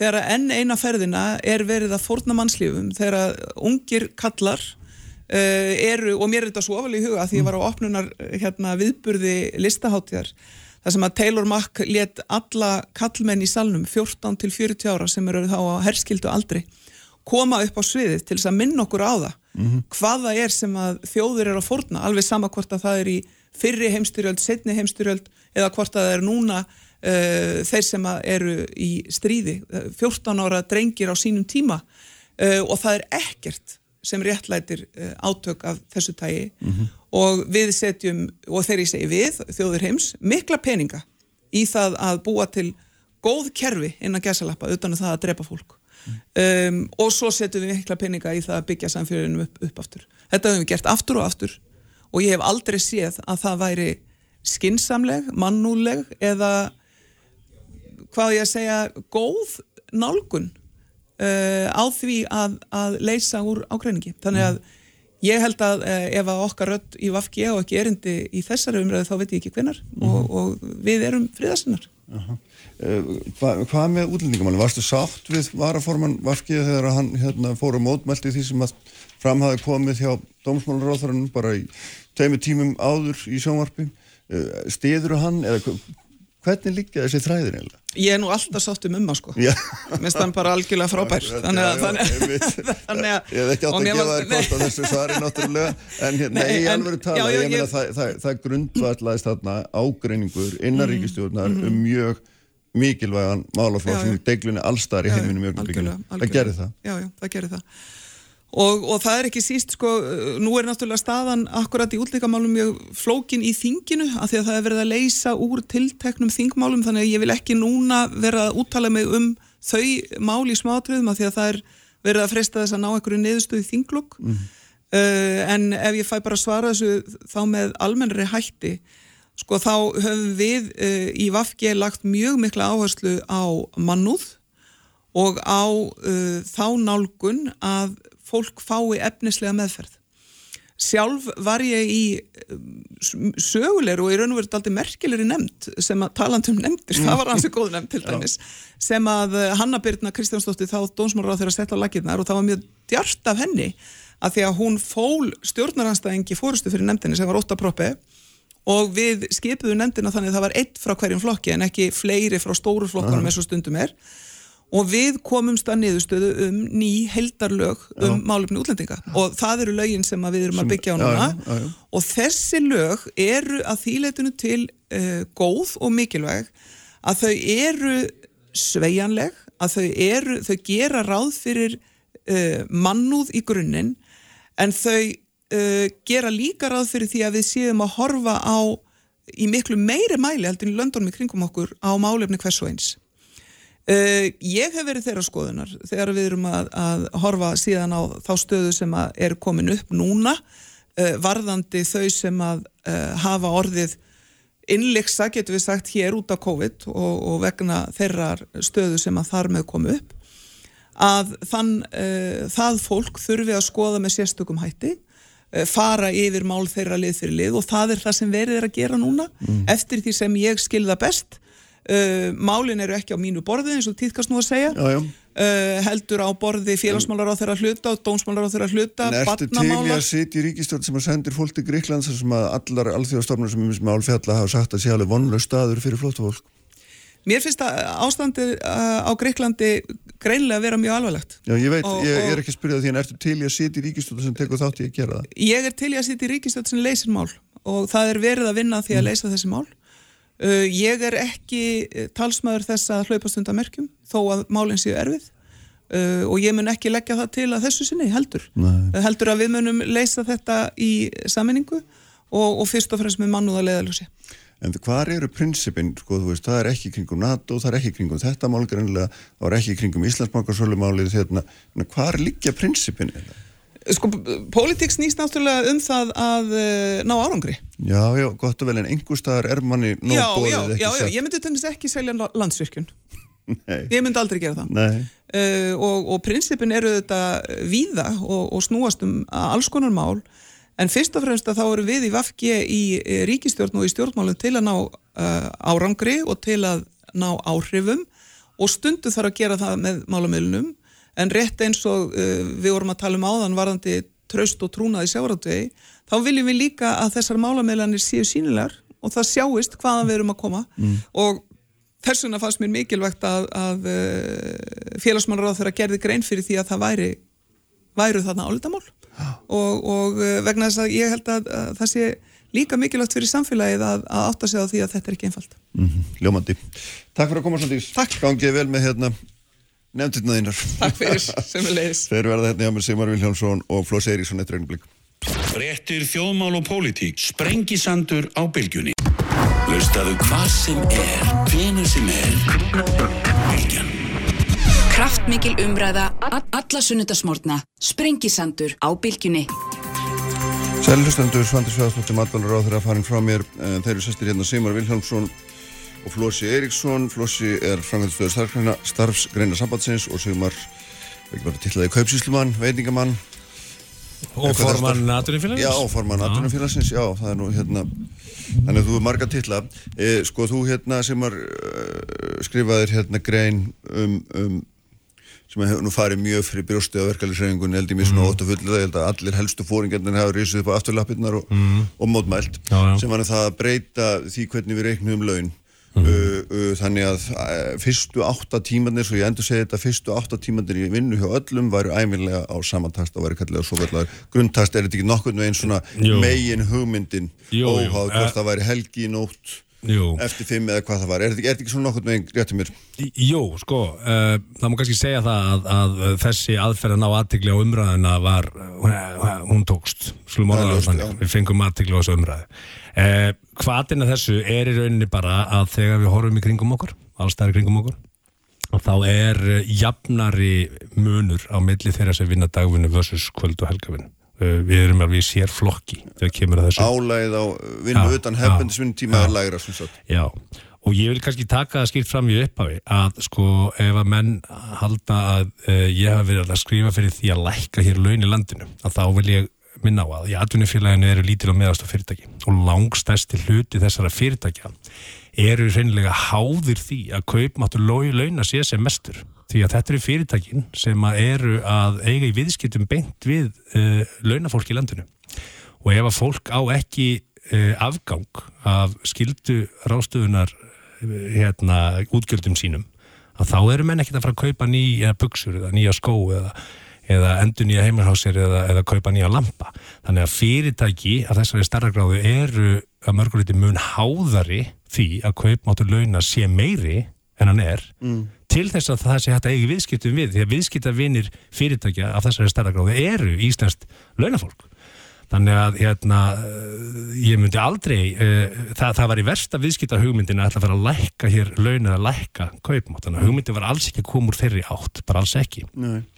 hins vegar, þá vitum við það alveg að kjara mál mun alltaf snúast um lámaslun og grunnlun og menn munu semja þarna um einhvers konar dagtaksta, þá þurfum við að horfa hvað tekur við, hvað þýðir það að semjum dagdagsta. Það þýðir það að álag eh, eftir klukkan 6 á Íslandi 5 eh, til 6 fyrir eftir starfskræn er 33% ofan á dagdagstan og helgarvinna er 45 ef við horfum bara til Svíþjóðar að þá er álag á dagdagsta Eh, það byrjir að tikka inn eftir 8 á kvöldin. Frá 6 til 8 á daginn í Svíþjóð er dagvunnutaksti. Eftir það uh, leggst á uh, kvöldtaksti sem er 18% en ekki 33%. Mm -hmm. Þessi 18% gilda líka á um helgar. Uh, dagvunnutaksti í Svíþjóð á lögadöfum er frá 6 til 4 á daginn. Eftir 4 á daginn á lögadöfum er 18% álag. Uh, nætur vinnu álag í Svíþjóð er hérna 34%. Á Íslandi þá erum við að vinna með 33% á kvöldin og við erum að vinna með 45% álag á lögatugum og sunnundum mm -hmm. og við erum að vinna með 90% á nætuvinnu. Og þá segir ég, hvað er skakt við þetta? Ég vil ekki lækka laun þeirra sem vinna kvöld, helgar og nætuvinnu, bara alls ekki hins vegar er eðlilegt að ef að það er að koma hér til launahækkanir að við séum að horfa þá hækkanir engang á dagteksta og við mingum þá prósentu töluna í álæginu því ég held að álægi fyrir kvöld og helgavinu sé bara rétt á meðan kannski dagvinnunni skök mm -hmm. Þannig að hækka dagvinnulögni og lækka álægprosentuna Já, án þess að hækka takstana sem eru fyrir mjög háir. Þannig að við séum að nálgast þessa prósentu tölu sem eru að gerast á Norrlöndum út um allt í kringum okkur. Mm -hmm. Flósi, þú hérna svaraði þessu með því að að segja bara hérna að Sigmar hefði sett fram á dögunum eina hugmynd í viðbútum hvernig var að, hægt að lækka launja fólki í ferðarþjónustu veitingin gera mm. en uh, hann er hérna haldaður fram Já og, og það er reyndar ágætt að Sigmar hefur aðeins dreyið land frá sínum uppálega hugmyndum. En förum aðeins yfir þetta og, og við, við fögnum því en skulum aðeins fara yfir þetta. Mm. hvernig, hvernig þetta er hugsað. Þetta er svo leiðis að við verkefliðsnefingin í heiminum, allavega í Vestur-Európa hefur verið að berjast fyrir því í 70 ár að maður geti lifað dagvinni menn innu á daginn, dagvinnu tímanum og það hefur orðið samkomiðlag í samningum, oft harð sóttum að menn innu dagvinnu frá svona 85 í Íslendingar er að fara í verkföllum þetta. Og, og, og þó ég sé, mér finnist ég ekkit mjög gammal, mm. þegar ég byrja á vinnumarkaði þá skiptist dagurinn í, þá var maður dagvinnu og svo var maður eftirvinnu og svo var maður yfirvinnu. Og það var nú, það var nú systemið og, og við höfum verið að reyna að komast úr þessum skipulómhætti af tvennum ástæðan, fólk á að lifa á dagvinnulöfum, það er gömulkrafa og hins vegar að tíminn, kvöld og helgar, frítíminn, þá ætti að fá að vera með þínu fólki, þínu fjölskyldu, þínu frítímið eitthvað slíkt. Til þess að íta atvinnulífin í þetta og atvinnurreglundum þá á dýri, e, e, tíminn utan dagvinnu svo við vissnum í dagvinnu tíma marka eins og þau kallaði kæra hann á að vera dýr. Þá var semst vera dýrt að láta fólk vinna og kvöldi um helgar þannig að menn séu að gera það ef þess þarf. Þetta hefur líka verið svona í á Norðurlandunum prófundtölurnar sko, við skulum ekki glemja þessi álög, við erum að tala um tvönd álög eins og sem maður að lesa hér upp eru í vaktafinu engungu þau er samið um vaktafinu og þau eru þú ert í vaktafinu Álæðis á Íslandi minnur Já, Já, 33 og 45 það eru þú ert í vaktafinu, skipulega vaktir bera skipulega mánuði fyrirfram, þarf að bygta vaktaplanið og alls konar svona reglur sem, við skulum segja að atvinnreikundu séu misjaflega duglegir að fara eftir. Annað sem mann er borguð yfirvinna ef maður vinnur framöftur, ef maður vinnur úr kvöldinu ef maður vinnur um helgar eitthvað slíkt, þá er maður ekki á vöktunum. Svo þess að þegar við erum að bera saman þessi álög í Svíþjóð Uh, og Noregi eins og sem gert, Sigmar hefur gert líka og fríðar þá erum við alltaf að taka og það er ofsalega erfitt og flókið því meður að bera saman kæra sannleika mitt Íslands og Norrlandana að því þú ætti að taka heildar kerfið, heildar mm -hmm. uh, konsepti til dæmis ég veit ekki að gera hann að því Sigmar hefur verið í honum í Noregi eru álögin aðeins læri þau eru reyndar á öðrum tímum En það er alls konar aðri hlutir í norska launakerfinu og umhverfinu sem ég held að við vildum ekki flytja inn eða ég held að segmamyndir til dæmis ekki vilja flytja inn aðferðin í Nóri að það er bannað að selja tvöfaldan á barnum, það má bara selja einfalda á barnum. Það er að segja... Ég held að það tengist nú ekkit vinnulög Nei, veitu, sko. nei, það tengist ekki vinnulög Nei, það sem ég er að segja En það er gott og nefnir að heita kerfið Þú getur ekki flutt inn einn hlut á kerfi við getum ekki tekið eina prósent úr sænska kerfinu eða einhverja aðra prósent ég var til í að flytja það allt inn því að ef við tökum fleiri ef hluti í kjærasamlingum allt norranna kerfið tökum... ok, ég til í þetta. Vi, við segjum það, við flytjum í norrann launakerfi. Uh, annarkort norst eða sænst. Það myndi létta verulega á byrðir fyrirtækja í landinu það myndi þetta hækka laun hjá mjög mörgum í landinu líka. þú er að taka þá allt inn ég ætla að fá að klára hérna aðeins þetta með álegin já. auðsnakkur og, og segjum sér svo að við, við, við förum þá leið að við segjum við ætlum að minga álaun, við ætlum að lækka 33 í 20 eða 45 í 35 eða whatever sem hefur svo mikið setningatölur mm. þá erstu að ákveða það að þeir sem vinn á kvöldin og um helgar fá minna borgað hlutfastlega, þeir fá minna ála fyrir að vera um kvöldin og um helgar, er Hvernig farið það á starfraðu út? Því að þú er búin að hækka daggrunnin Jú, þú fær samt, þú, það, er minna, það er minna bíl og milli. Já, það er minna bílamilli, það þýðir ekki minni krónutala. Nei, það þýðir minni tala, ég er að segja þú fær minna fyrir það hlutvarslega í prósentum talið að vinna kvöldin. Það þýðir ekki með lægri krónutala, þannig að ég skil ekki að vera þess að umra. Það þýðir ekki lægri krónutala, við þurfum nú ekki að rífast um þessa Við hljóttum að vera að tala um kaupmátt, er það ekki? Við hljóttum að vera að að við erum að einbátt ykkur, við erum auðvitað að tala um kaupmátt okay. og, og þessna viljum við að það sé dýr. Þá erum við samanlega það að þetta þarf ekki að læka laun, þetta minga prósutu stíð, en þetta þarf ekki að læka enda niðurstuðu laun, laun, launamannsins í, í því hvaða farin og bá. En að hvaða leiti, hvaða leiti var þetta betra fyrir fyrirtækin að þú ætlar að hækka grunnlaunin? Við, já, þetta, væri, þetta er lægri laun og kostnaði fyrir fyrirtæki. Já, já, á, nei, þetta er ekki lægri, þetta, þetta dreifir húnum meira. Það er erfiðar í dag að fá fólki fulla vinnu í dagvinnu. Það er bara erfiðar í dag, uh -huh. af því að, að, því að ef að þú semur bara núna um dagvinnulaunin þá ertur hérna að hækka að því að prósentan, ef prósentan heldur sér 33 og 45, segjum bara 100 kall, þú veist að hækka um 100 kall hérna í dagvinnu. E, þá hækkar hann um 133 krónur á kvöldin og, e, og við skilgjum um kvöld um 5-6 um leitið meðan það er á Norrlundur um 8 og eftir 8 Uh, og við erum að hækka helgalögn laugadag og sunnudaga sem er nú megin starfsemist uh, vestlana og alls konar þjónustu fyrirtækja út um allan bæ um 45% vi, getur við tekið í sundur dagvinnu hækkunatakstan og lækka þá prósendur til þess að við séum að ná einhverjum balans? Því að, að launaskriði sem á sér stað í þunganum í dag á kvöldinu um helgar er allt og hár og við vorum átt okkur af því að þú varst á að vitna í það þegar þú varst yngri. Þegar þú varst yngri þá var ferðarþjónust ekki stærsta starfskreina á Íslandi. Ferðarþjónust í dag skiptir Íslands samfélag gríðalega miklu máli og þungi hennar liggur á kvöldinu um helgar. Ekki bara í veitingastu, bara og í allri ferðarþjónustunni og afleitur. Og, og, og ferðarþjónustu í Íslandi borgar legstu laun og öllum matfunugreinunum og í ferðarþjónustunni í Íslandi eru flest mál sem verkefælisfélögin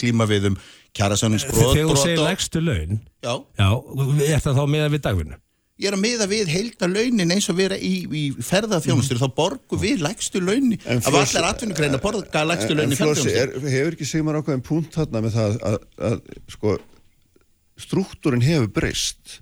Nú, þú veist sem þú ert að segja að kvöld og helgavinna þarf að vera svo dýr til þess að fólk sé ekki látið vinna þarna. En við erum bara með annars konar hagkerfi.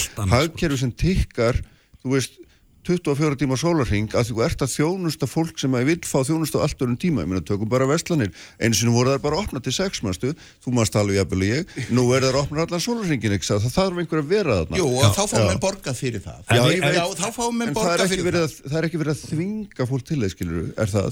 Já. Eða vilt þú þvinga atvinningum til að loka aftur með því að hafa tíman og dýran? Nei, bara spil. Nei, ég vil ekki þvinga neitt í þessu, ég vil segja, ef þú ætlar að fá mann eða konu, mm. einhvern til að koma í vinnun á kvöldunum helgar. Þegar við hinnum erum í fríi þá hún að fá borga fyrir það með selgjöndum helgi og þá vil ég líka minna á annað. Og við sjáum þetta líka í, í, í ríkiskeiranum og, og, og hjá sveitafélunum öllum ofnbjörðu stofnunum við erum að Við erum ekki að tala um þau núna sko. Ég, bara að því að það Nei, er bara sér kapitúli sko. Það er ekki sér, við, við erum með heilstæðan launamarkað. Ég veit það, það er líka gallin við erum með kjara, við erum með einn vinnu hérna, við erum með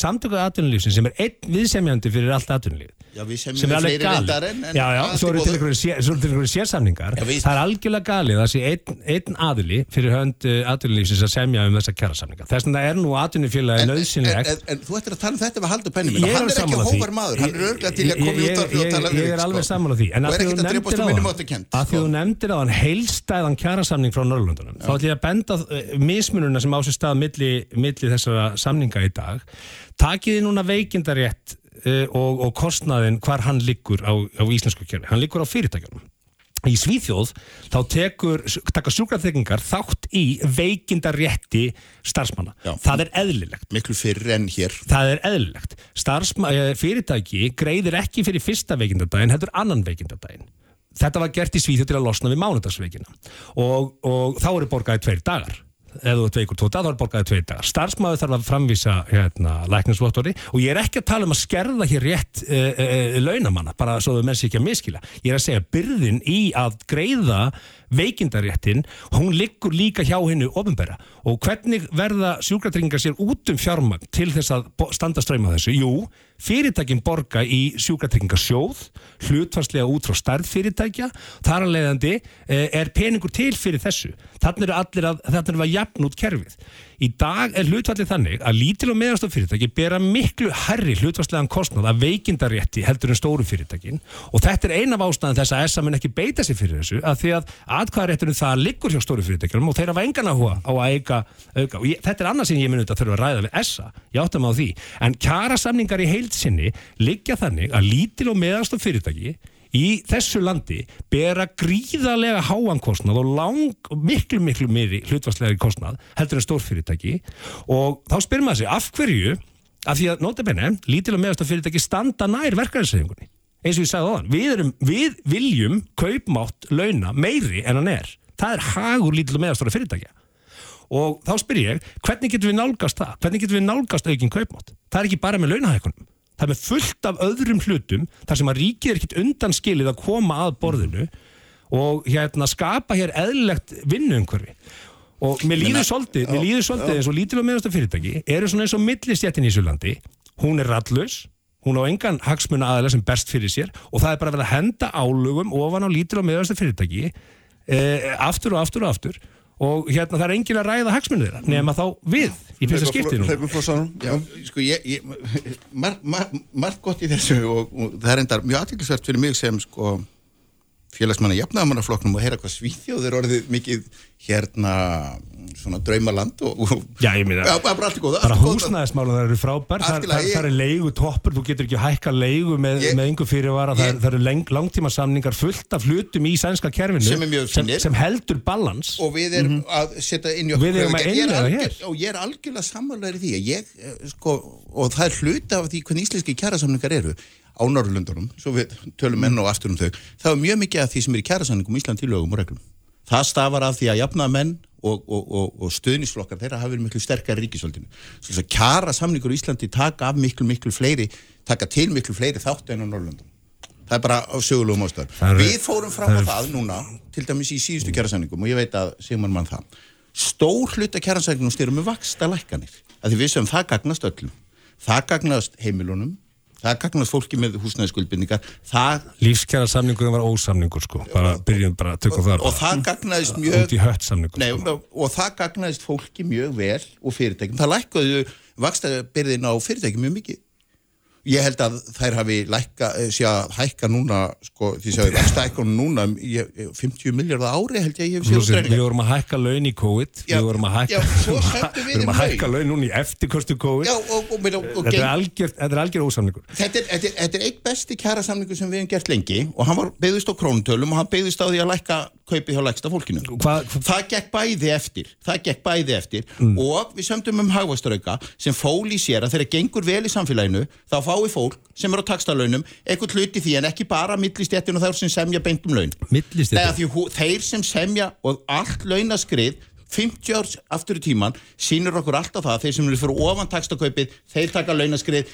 ekki þeir sem eru á því. Þetta er fiskið sem við söndum um það og ef að það er ósamningur sem var, ef að það er vondur samningur ef að lífskjara samningurinn sem þó bjargaði hér þessum lægri hópum á þessum tíma er ósamningur, þá lýst mér ekki á hvernig við ætlum að ná saman að samning. Að því Nei, það er okkar útgangspunktur að svo aðferðafræði að semja um króntöluhækkanir og ríki semja um vaxtalækkanir og við reynum að minka vægi verðbólkunar, það skiptir mestu móli Já, hérna, Sko, útskýra eins fyrir mér að því þegar þú settir fram þessa hugmynd að hérna, uh, uh, þú ætlar að hækka grunntakstan, dagvinnu kaupið, ekki satt? Í, í rauninni, rauninni veldur þessi grein upp þessar spurningu. Er hægt að finna snertiflutin á því? Er heildarlauna summan, heildarlauna útgjöld meðal fyrirtækis?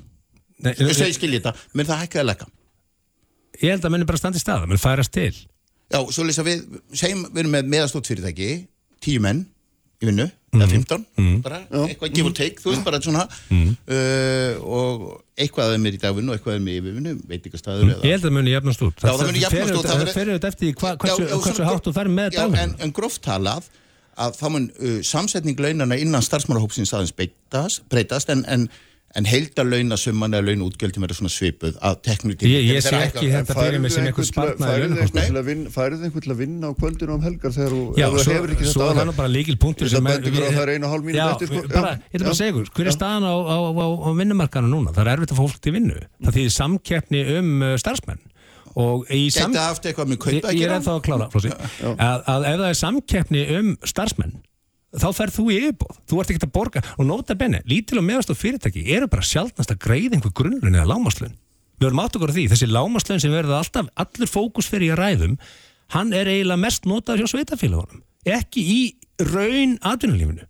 Lítil og meðast og fyrirtæki í keppni um, um gott starfsfólk er ekkert að borga grunnlun þannig að öll umröðan í kjærasamningunum snýst um einhvern hóp og einhvers konar uh, launataksta sem er nánast ekkert í raun atvinnulífinu heldur er að finna aðalega hjá ofnbjörnum aðalum og í sveitarfélagunum Já, Flósi, þú er tíu sekund að svara þe- þessu ef þú vilt byrja en ef ég fæ ekki fólk að vinna á kvöldin En þá þarf ég að borga herra laun. en- það er ekkert sem banna með en það þetta, en þetta er bara ránt að því við sjáum, nei það er ekki að flissa því að því við sjáum það hverji borga í lífyrirsjóðuna, hver borga félagsgjöldin og við sjáum að hvað kaupið það er. Já. svo það er ránt að svo setur hann höndinu öslam það er einfallega ránt að þetta sé með þessum hætti en við þurfum að koma aftur Já, já, Já, við já. þurfum að gera það Við erum að taka hérna. kaffibolla. Já, Já, já. og Flósi, takk báði fyrir að koma hérna, Ívar Davíð Haldursson stýri útsendingunni sem hann gerir alltaf í dag og hérna allt efnin á bylgjan.is og vísi.is og hvar veitna það sem þið finnir hlaður svo verðum við hér eftir viku, verið sæl